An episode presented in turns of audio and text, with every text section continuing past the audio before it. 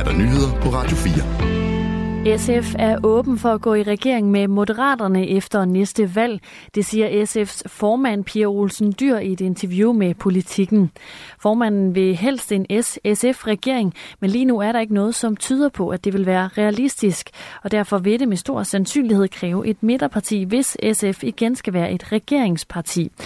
Udmeldingen er et udtryk for, at SF er ved at vinde sin selvsikkerhed tilbage, siger Henrik Kvotrup, politisk analytiker ved BT. Han peger på, at SF i de nyeste målinger står til at blive det andet eller tredje største parti.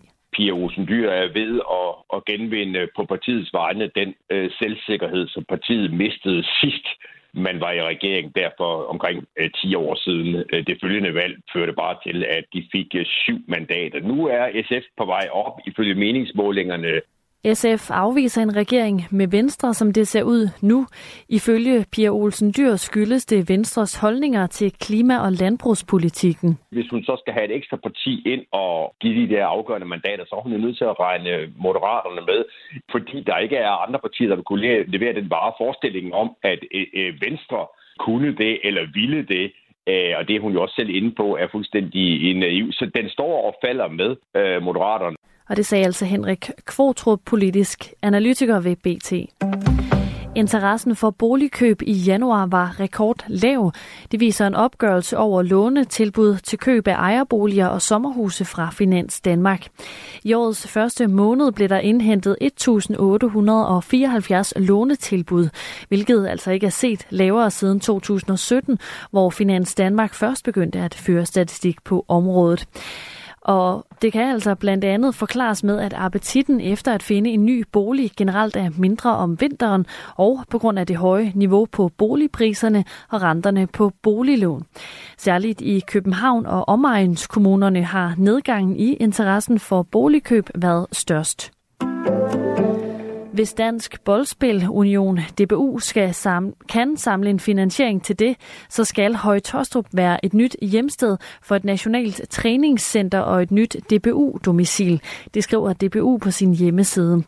Det såkaldte campus skal være en slags base for alle fodboldlandshold, og det nye DBU-domicil skal også kunne rumme moderne træningsbaner. DBU arbejder på at skaffe finansiering til projektet. Det fremgår ikke, hvad det skal koste, men fodbolddirektør Peter Møller har tidligere udtalt, at der skal findes et 60 millionbeløb for at realisere et projekt af den karakter.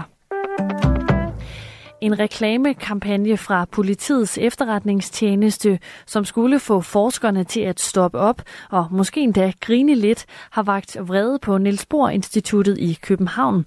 Angela Brink fortæller mere. Over 180 forskere og studerende har underskrevet et protestindlæg i Ingeniøren, hvor de kalder kampagnen for eksplicit racisme og kræver den fjernet. Blandt andet lyder det på en plakat på et busstoppested.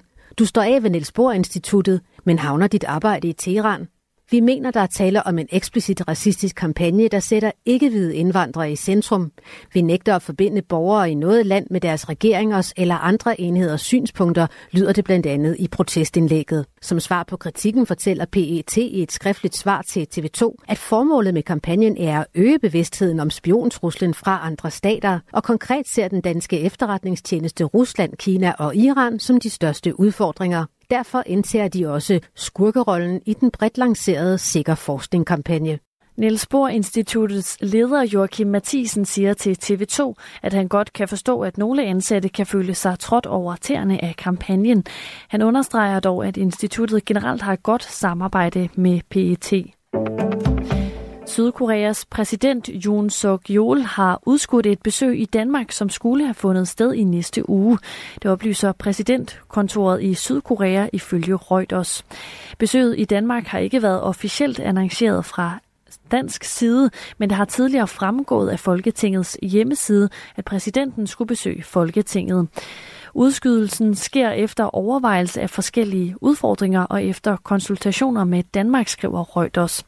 Det fremgår ikke, hvornår den sydkoreanske præsident nu planlægger at besøge Danmark. Overskyet med regn i løbet af dagen, mere tørt med mulighed for dis eller tåge. Temperatur mellem 3 og 7 graders varme, vinden den aftager og bliver svag til